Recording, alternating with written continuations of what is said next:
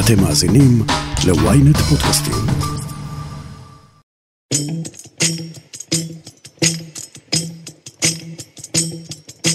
אני, רון דרמר, מתחייב כחבר ממשלה לשמור אמונים למדינת ישראל ולחוקיה, למלא באמונה את תפקידי כחבר ממשלה ולקיים את החלטות הכנסת. את קולו בעברית של השר הנכנס לעניינים אסטרטגיים רון דרמר מעטים מכירים. אבל בשנים האחרונות הוא הפך לאחד האנשים הקרובים והמשפיעים ביותר על ראש הממשלה נתניהו, והכל באנגלית של ישראל בוושינגטון. מי הוא רון דרמר? כיצד הוא בנה את המעמד שלו אצל נתניהו והממשל האמריקני? והאם למעשה מדובר במינוי של שר חוץ בכיר מעל שר החוץ החדש אלי כהן? אני שרון קידון, וזאת הכותרת.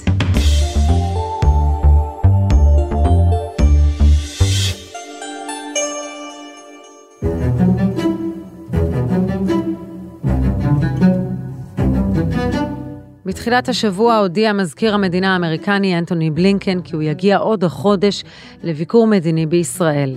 הביקור מתקיים על רקע החשש האמריקני מפני הצעדים הראשונים של ממשלת נתניהו הנכנסת. נתניהו עצמו צפוי להגיע לוושינגטון כבר בחודש הבא, לפני כן הוא ייפגש כאן עם היועץ לביטחון לאומי של ארצות הברית ג'ייק סליבן. כל מי שמבין דבר או שניים על נתניהו ויחסיו עם ארצות הברית, יודע שהאיש שעומד בסוד העניינים, ההכנות והדיאלוג, הוא רון דרמר, שגריר ישראל בארצות הברית לשעבר, ומי שמונה לתפקיד של שר שאולי על הנייר אינו מהבכירים, אבל יהפוך להיות ציר מרכזי בין ירושלים לוושינגטון. אחד, בניגוד לכל שאר השרים, אנחנו רואים ממשלה מנופחת עם הרבה שרים ועם רוטציות וכל מיני קומבינות כאלה במינויים, ודרמר הוא הבן אדם היחיד בממשלה שנתניהו היה יכול לוותר עליו, זאת אומרת, אין לו משמעות אה, פוליטית המינוי שלו. זהו איתי אילנאי, כתב המגזין של המוסף שבעה ימים ידיעות אחרונות, והוא משרטט איתנו את דמותו של דרמר ואיך הוא בנה את מעמדו. דרמר הוא דמות מאוד לא מוכרת. הוא נתן ראיון אחד בעברית בלבד, הציבור הישראלי לא מכיר אותו, דווקא היהודים באמריקה מכירים אותו הרבה יותר מאשר היהודים בישראל, וזה מעניין uh, להתעסק בבן אדם הזה שהולך להיות עכשיו uh, מאוד מעורב בממשלה. והדבר השלישי והכי מעניין בעיניי זה הפונקציה של דרמר בשנים הקרובות בממשלת נתניהו. מעבר לזה שהוא יהיה שר בממשלה, התפקיד המרכזי שלו יהיה uh, לממש את המורשת של נתניהו, בעיקר בענייני החוץ כמובן, וזה שני דברים עיקריים, המאבק באיראן, ותהליך הנורמליזציה עם הסעודים, ההמשך של הסכמי אברהם בעצם, פה דרמר והקשר המאוד הדוק שיש לו לממשל האמריקאי, הוא יהיה פונקציה מאוד חשובה. ולכן אני חושב שנתניהו רצה אותו לידו, רצה אותו בקבינט, בהתחלה הוא הציע לו להיות אה, ראש המל"ל, ודרמר לא רצה. אחרי זה היה ניסיון גם למנות אותו לשר החוץ, אבל קונסטלציה פוליטית אה, מנעה את זה. ובסוף הם הצליחו להסכים איכשהו על זה שדרמר, שכבר היה בדרך לעסקים פרטיים, והתחיל לכתוב את זיכרונותיו וכולי, מונה לשר לעניינים אסטרטגיים.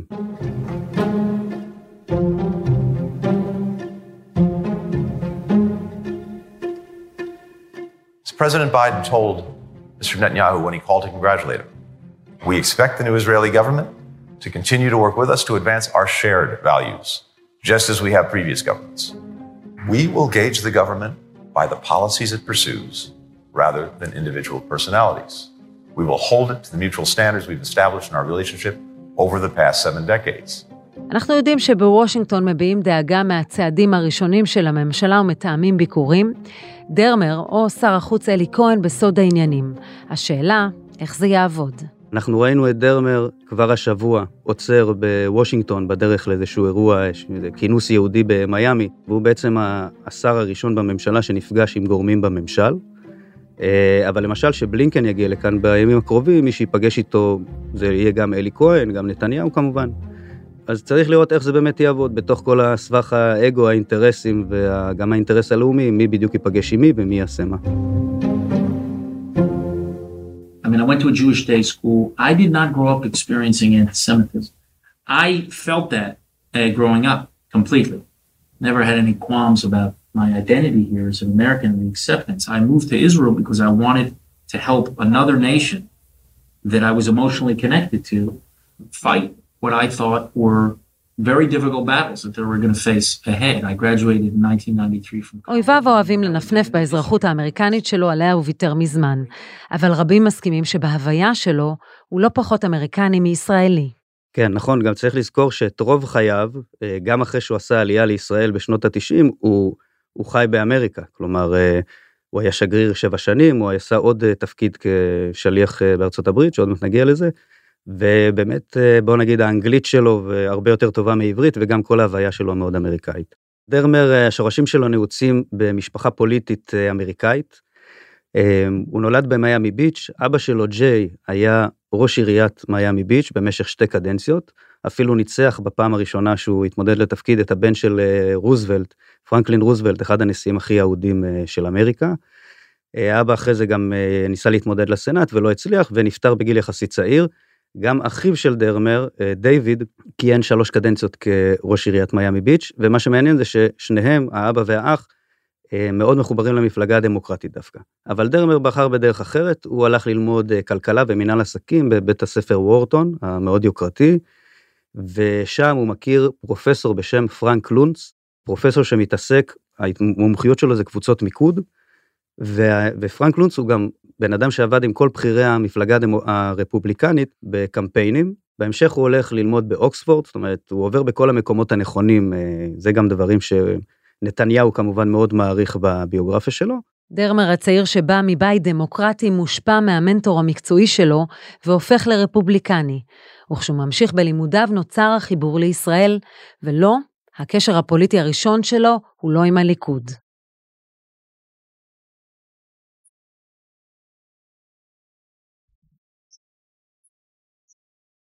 מי שאולי זוכר, בשנות ה-90 יש קבוצה של עולים חדשים, ביניהם אה, בחור בשם נתן שרנסקי, גם יולי אדלשטיין היה אז במפלגה הזאת, מפלגת ישראל בעלייה, שהם באותו שלב הם עדיין לא מפלגה, הם מנסים לחפש את דרכם ולהקים איזשהו גוף פוליטי שייצג את העולים מברית המועצות שאז הגיעו בהמוניהם לישראל. ושרנסקי ששוחחתי איתו במסגרת הכתבה בשבעה ימים, אה, באמצעות חברים בוושינגטון, מקבל המלצה על אותו פרנק לונץ, שמגיע לישראל בהתנדבות, במשך חודש או חודשיים עושה להם סקרים, קבוצות מיקוד וכולי, ומנסה להסביר להם איך לפנות לקהל היעד, שזה הבוחרים אה, מעולי ברית המועצות, וגם האם יש באמת אפשרות, היתכנות שהם יצליחו להיכנס לכנסת.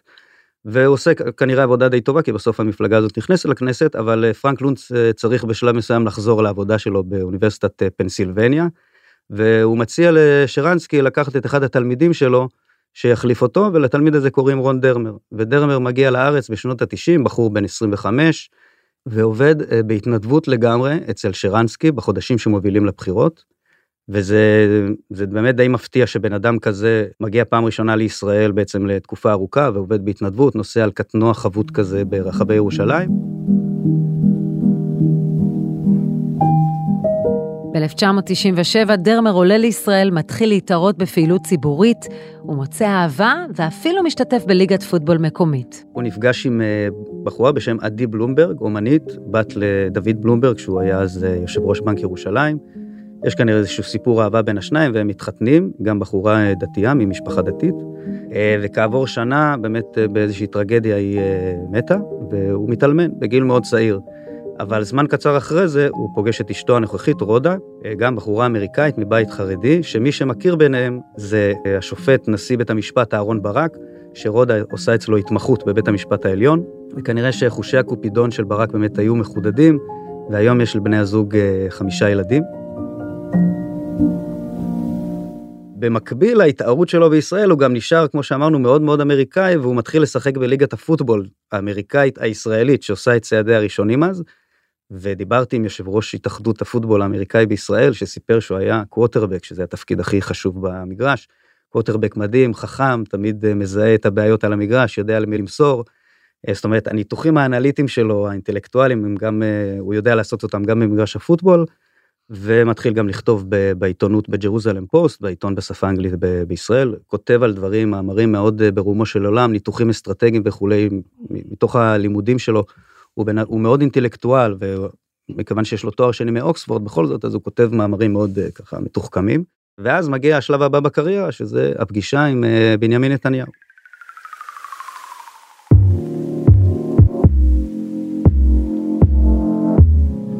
מודה לשגריר ישראל בארצות הברית רון דרמר על שניהל את המגעים מול הממשל האמריקני. תודה לך רון. כיצד הצעיר הרפובליקני הופך להיות איש הסתרים של נתניהו ושותפו לדיאלוג מול הממשל האמריקני, שותפות שמגיעה לשיאה בנאום השנוי במחלוקת בקונגרס וכהונת הנשיא טראמפ. הודעה קצרה ומיד נמשיך עם הכותרת. ויינט רדיו, הרדיו הדיגיטלי הראשון בישראל, מחכה לכם בכל מקום ובכל זמן שתבחרו, עם נבחרת המגישים שלנו ומיטב התוכניות. ויינט רדיו, להאזנה באפליקציה ובאתר ויינט.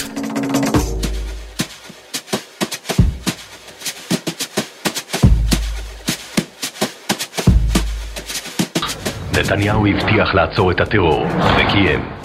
אהוד ברק אומר, תחושת הביטחון האישי של האזרחים גברה מאז בחירת נתניהו, והטרור פחת. אהוד ברק, עוד ישראלי שמרגיש היום הרבה יותר בטוח. בבחירות 1999 נתניהו מתמודד מול אהוד ברק, והוא עושה מאמץ גדול לגייס את ישראל בעלייה מפלגתו של שרנסקי לתמוך בו לראשות הממשלה. במהלך הפגישות עם שרנסקי, הוא פוגש בצעיר המבטיח, אבל זו לא הייתה אהבה ממבט ראשון. זה בחירות שגם uh, מחולקות לבחירה עבור, פתק עבור מפלגה ופתק עבור uh, ראש ממשלה. ונתניהו מאוד רוצה ששרנסקי ימליץ לבוחריו לתמוך בו, בנתניהו, לראשות הממשלה. ושרנסקי אומר לו, שמע, זה לא יקרה, אהוד ברק אה, הוציא לאחרונה את הספר החייל מספר אחת ברוסית, והוא מדבר אל הקהל הרוסי, והרוסים יצביעו בהמוניהם לברק ולא לך. ובמסגרת ככה ניסיונות של נתניהו ושרנסקי, המשא ומתן הזה עוד לפני הבחירות, שרנסקי שולח אל נתניהו את היועץ שלו, את דרמר, ודרמר יושב איתו ומסביר לו למה הוא הולך להפסיד ברחוב הרוסי ולמה כתוצאה מזה הוא גם לא יהיה ראש ממשלה. וביבי מאוד מאוד מתעצבן, מרים אחרי זה טלפון לשרנסקי ואומר, אני לא מחבב את הבחור הזה ששלחת אליי. אבל אחרי הבחירות, שכבר אולי אה, נתניהו כבר הכריז על פרישה בעצם מפוליטיקה, והוא קצת משוחרר מהלחצים של הקמפיין וכולי, הוא יושב שוב עם דרמר, ובפגישה בקניון מלחה דווקא בת... בירושלים, ושם נוצר איזשהו קליק. עכשיו, הקליק הזה מתבסס על אה, כמה דברים. אחד, באמת, כמו שאמרנו, נתניהו מאוד מעריך את, ה... את הרקורד האינטלקטואלי, נקרא לזה, של דרמר, שלמד בכל המקומות הנכונים. הם מדברים אחד עם השני אנגלית, כמו שנתניהו מאוד אוהב. דרמר הוא גם חובש כיפה, זה מהז'אנר של היועצים כמו ארי הרו ונתן אה, אשל, שגם שנתניהו ומשפחת נתניהו מתחברת אליהם מאוד, ובעיקר אני חושב, יש לדרמר יכולות אה, ניתוח של הפוליטיקה ושל הכלכלה האמריקאית, שנתניהו מאוד מעריך. דרמר לא מאיים על נתניהו פוליטית, והוא גם לא מבקש ממנו שום דבר. זאת אומרת, הוא נשאר שם ברקע כיועץ, והחיבור ביניהם אה, מתחיל באמת להתפתח. כשנתניהו אחרי זה ממונה ל... שר אוצר בממשלת שרון, אה, דרמר מסייע לו מאוד עם כתיבת הנאומים, שזה מבחינת נתניהו אה, דבר מאוד חשוב, בעיקר הנאומים באנגלית, ונתניהו מאוד מאוד צריך את דרמר בקטעים האלה של ניסוח הנאומים, ירידה לפרטים, הם יושבים שעות ארוכות אל תוך הלילה, פעם אחת אפילו נתניהו, אה, לפי דיווח עיתונאי שהוכחש, מזמין את דרמר, חובש הכיפה, אליו ביום כיפור בשביל לעבוד על, על נאום, דרמר גם בשבתות הולך מהבית שלו אה, בירושלים ברגל לבלפור כדי להיפגש עם נתניהו ולעבוד על נאומים, כלומר הם עובדים מאוד מאוד צמוד ביחד.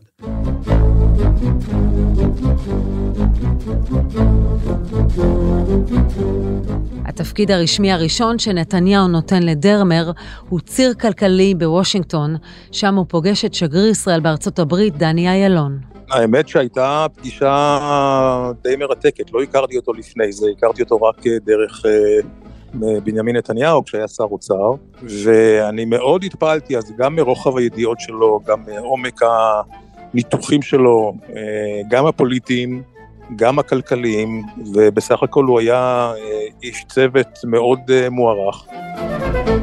הוא למעשה ייצג את משרד האוצר בוושינגטון, תמיד היינו אומרים שזה מין, היינו עושים ישיבת צוות, זה היה כמו מיני קבינט כזה, כי היה שם נציג משרד הביטחון ונציג משרד המשטרה, אז הוא ביטחון לאומי וחקלאות וכל מה שתרצי, והוא ייצג את משרד האוצר על כל ההיבטים, ובתפקיד משרד האוצר בוושינגטון הוא, הוא תפקיד שהוא יותר אולי אפילו פוליטי מכלכלי, מכיוון שהוא לא עוסק בנושאים מסחריים בין חברות, אלא היחסים הכלכליים בין המדינות, ושרון, בתקופה שלנו, שאני הייתי שם ורון הגיע, עסקנו אז בנושא מאוד מרכזי שזה היה להשיג את uh, הערבויות, עשרה מיליארד דולר ערבויות אמריקאיות לכלכלה הישראלית, זה היה ב-2003, שהייתה אז במצב מאוד קשה, והייתה פה באמת אה, עבודת צוות משותפת, ובאמת הצלחנו אה, לקבל את הערבויות בתנאים שרצינו.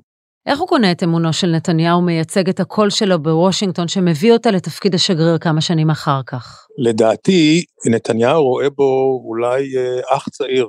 אני חושב שהבסיס פה זה בסיס של קודם כל אידיאולוגיה משותפת, שמרנית, ימנית קלאסית מצד אחד, ודבר שני, אני חושב שגם מבחינה אינטלקטואלית הוא מאוד מתחבר אליו, גם נתניהו הוא רחב אופקים, קורא ספרים, גם ספרות קלאסית, גם ניתוחים מדעיים וכולי, ורון הוא אותו דבר, אז אני חושב שהיה פה חיבור די, uh, די טבעי.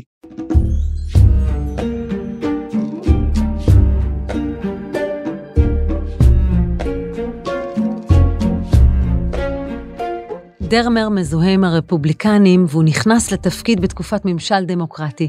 איך זה עובד?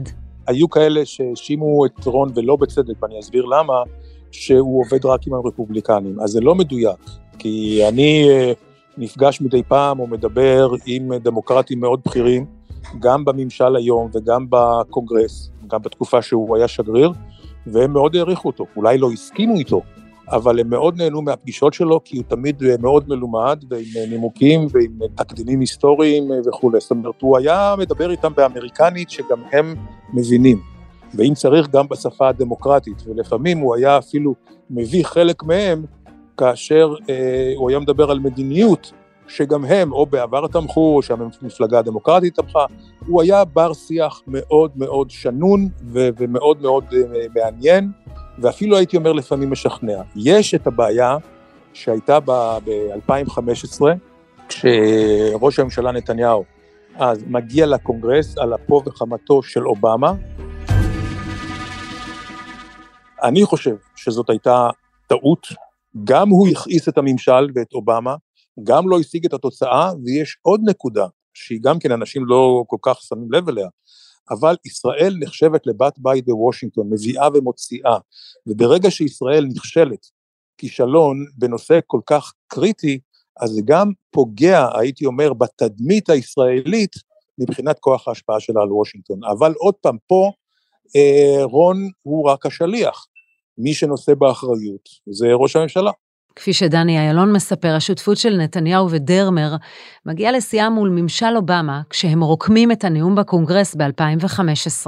My friends, for over a year, we've been told that no deal is better than a bad deal. Well, this is a bad deal. It's a very bad deal. We're better off without it. בחזרה אליך, איתי אילנאי. דרמר, אגב, בריאיון שהוא נתן, הריאיון היחיד שהוא נתן בעברית, אחרי כבר סיום תפקידו, הוא אמר שהנאום בקונגרס זה הרגע שהוא הכי אולי גאה בו, בכל הקריירה שלו כשגריר. ואני חושב שהוא באמת האמין, וזה גם אמרו לי אנשים שמכירים אותו, שישראל לא יכולה לא לעשות כל שביכולתה בכדי למנוע את החתימה על הסכם הגרעין, גם אם זה כולל אה, לריב עם אה, אובמה או עם הדמוקרטים. ושבהיסטוריה יירשם שראש ממשלת ישראל עלה על בימת הקונגרס ונאם את הנאום הדרמטי הזה. זאת אומרת, הוא היה מוכן לשלם את המחירים הדיפלומטיים בשביל העניין העקרוני הזה, הערכי. ואני חושב שזה מה שמוביל את דרמר באמת אה, לאורך כל הדרך, העניין הזה.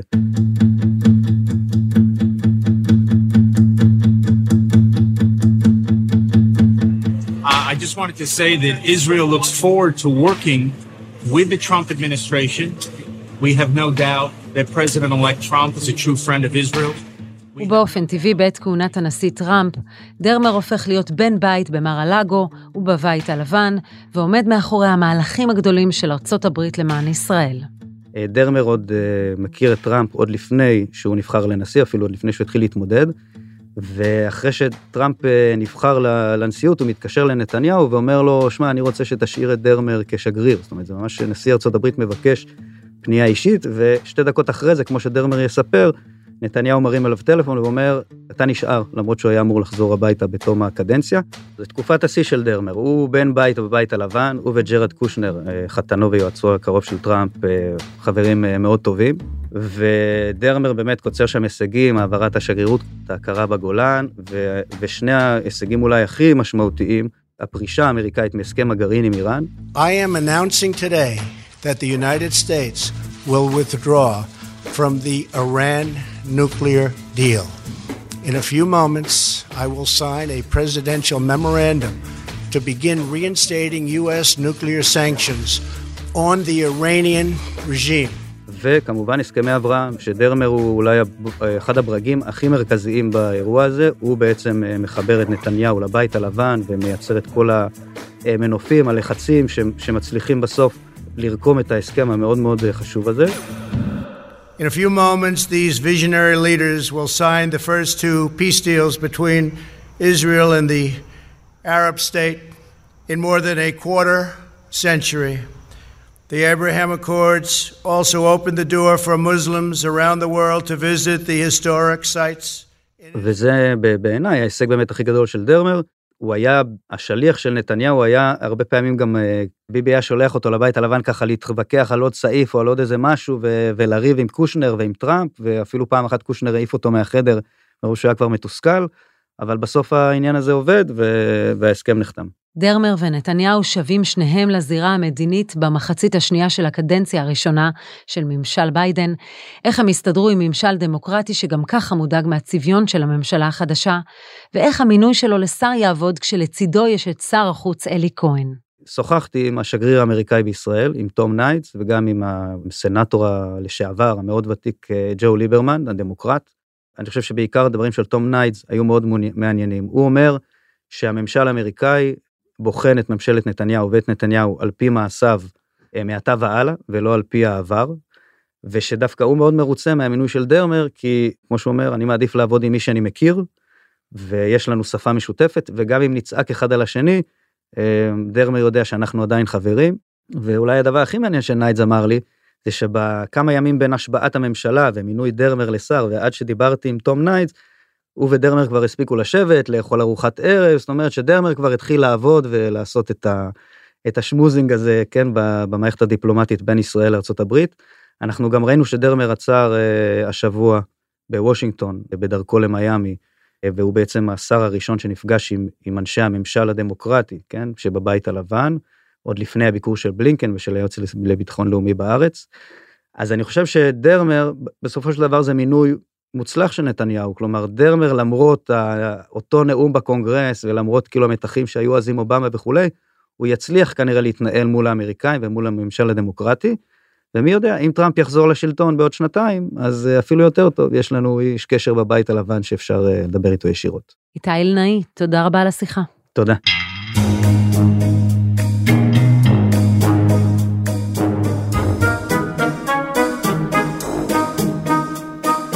גם השגריר לשעבר דני אילון לא מוטרד מהצבע הפוליטי של דרמר, כי לדעתו ניסיונו פותח דלתות גם בקרב הדמוקרטים. מה שיותר מדאיג אותו זה איך הפוליטיקה הפנימית תעבוד. שני שרי חוץ, דרמר ואלי כהן, ומעליהם עוד שר ששמו נתניהו. תראי, יש פה צוות מאוד מאוד חזק. קודם כל בראשות בנימין נתניהו, אני חושב שהוא מנהל מדינית החוץ האולטימטיבי, והוא גם מחזיק את הרסן די צמוד. יש את צחי הנגבי, איש בעל גם כן יכולות מאוד גדולות שהוא יהיה ראש המל"ל. אלי כהן, שהוא גם כן בסך הכל אדם מאוד uh, מוכשר ומאוד מקורב לנתניהו, וכמובן רון דרמר. אם פה נתניהו לא יבצע את החלוקה כמו שצריך, ויבנה מערכת משותפת ושל אמון הדדי, ועוד פעם בחלוקת העבודה, בהחלט יש פה מקום להרבה הרבה מאוד הסתבכויות. דני איילון, שגריר ישראל בוושינגטון לשעבר, תודה רבה לך על השיחה. תודה שרון. ועד כאן הכותרת להפעם, אתם מוזמנים לעקוב אחרינו בוויינט רדיו, באפליקציה, בנייד וגם ברכב, או איפה שאתם שומעים את הפודקאסטים שלכם. אם זה קורה באפל או בספוטיפיי, אתם מוזמנים גם לדרג אותנו ולהאזין לפרק פוליטי נוסף שלנו. חפשו את הפרק שתי מדינות לשני שרים. עורך הפודקאסטים רון טוביה, איתי בצוות הכותרת ישי שנרב ויואב רבינוביץ', תחקיר הפקה ועריכה אלי שמעוני וגיא סלם. אני שרון קידון, ניפגש בפעם הבאה.